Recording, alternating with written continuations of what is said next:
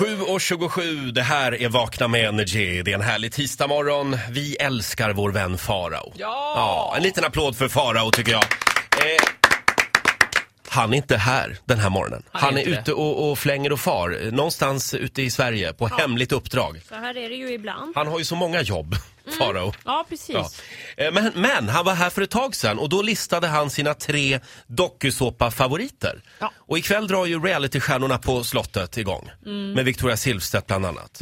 Och Robinson-Robban. Ja, vilket gäng de har fått ihop. De Ja. kom ju från en tid när dokusåpastjärnor verkligen var dokusåpastjärnor. Mm. Där det liksom inte var utstuderat, hej jag vill bli kändis när jag blir stor. Förlåt, men vilken dokusåpa var Victoria Silvstedt med i? Ja, det är en bra fråga också. Nej men hon är mer än dokusåpa. Hon är en dokusåpa, ja. Hon, eh, det står i tidningen idag att hon trodde alltså att hon tackade ja till stjärnorna på slottet. Mm. Men hon tackade alltså ja till realitystjärnorna på godset. Byt agent. Ja, just det. Eh, Faraos tre dokusåpa-favoriter. På tredje plats, där hade han eh, Robinson-Freddy. Kommer ni ihåg honom? Nej. Lite rund man. Som hamnade i sjönöd när han var ute och samlade mat ute på havet. Ja, det där kommer jag ihåg. Och då behövde han hjälp, så han gör då den internationella eh, SOS-signalen, nödsignalen. Eh, inför, och jag tittar, Man illustrerar viftar nu med den. armarna så Ja, men det över Just vittnade det. med båda. Ja, båda. Och på stranden ligger eh, Subeide och Emma, Robinson-Emma, och solar. Och de tror att Freddy gör någon slags gymövning. Ja. Ja. Han, jaha, åh, ja, han kör något litet gympapass där ute i båten. Ja. och så Ja, bara, just det. hej hej. Och sen kommer Freddy in till land och är jätteupprörd. Han överlevde. Mm. Ja, tack och lov. Såg ni inte att jag gjorde den internationella SOS-signalen? Ja. Alltså där man måste ha koll på sånt där. Man Ja. befinner sig i öde ö-miljö. Verkligen.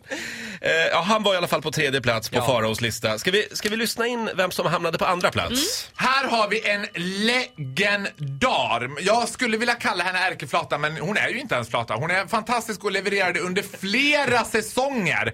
Hon gjorde sin debut i Farmen. Åh, det är Kristina! Ja!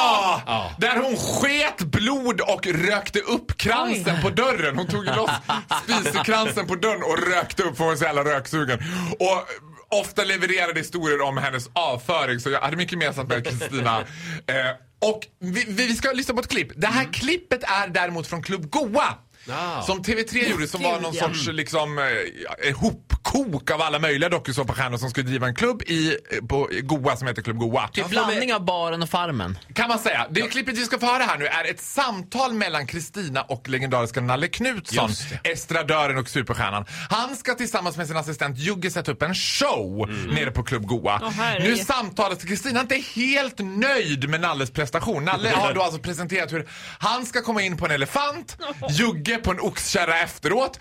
Nalle ska sjunga Vill ni se en stjärna? Och här har vi Kristinas reaktion. Vill ni se en stjärna? Säg på mig.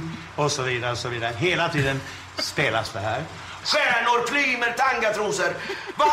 Det här är ju bara världens egotripp. Jag har inte knarkat som du faktiskt. Nej, men en sen då? Jag har i alla fall tagit mig ur det och lever i verkligheten. Ja, men du kan lära dig att vara lite artig. Oj! oj, oj, oj.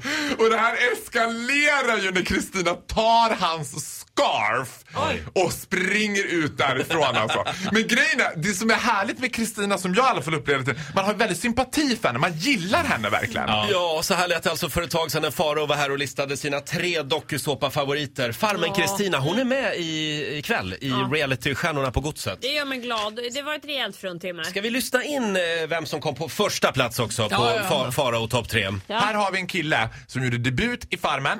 Sen medverkade i Farmen Afrika och det är härifrån vi ska höra klippet. Jag pratar om psykoterapeuten Sebastian Donken. Åh, med glasögonen. Med, med flaskbottnarna. Mycket märklig man. Mycket, mycket märkligt. Jag tycker vi lyssnar direkt på ett klipp när han har ett terapeutiskt samtal med Snygg-Gustav, den här snygga killen i Farmen Ah. då, som heter Gustav. De har ett terapeutiskt samtal. Hur kände du det efter förra samtalet? Men alltså jag, jag fixar inte riktigt den här röstprylen som du gör. Jag tycker att det, vi kan sitta och snacka liksom. Men jag vill att du... Men du har en massa krav på mig nu. Men det, jag, jag ber dig bara liksom, för att det ska funka. Men nu har du bett mig och jag har ju sagt till dig att det är den här rösten som Okej. gäller. Jag förstår inte.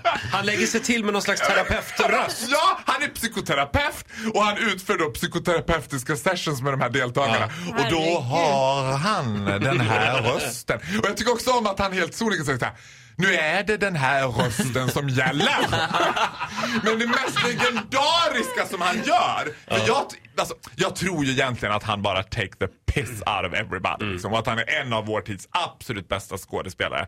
Vad Man han känner ju lite grann att ute i vardagen där skulle man inte välja honom som terapeut. Nej, det vet jag inte. Det beror på vilken typ av terapi man vill ha alltså. Jaha. Men det han också gör, det mest legendariska klippet egentligen, det är ju att han också håller på, han är ju medium också. Jaha, ja det är klart. Och där under Farmen Afrika så tillkallar han ju Tola.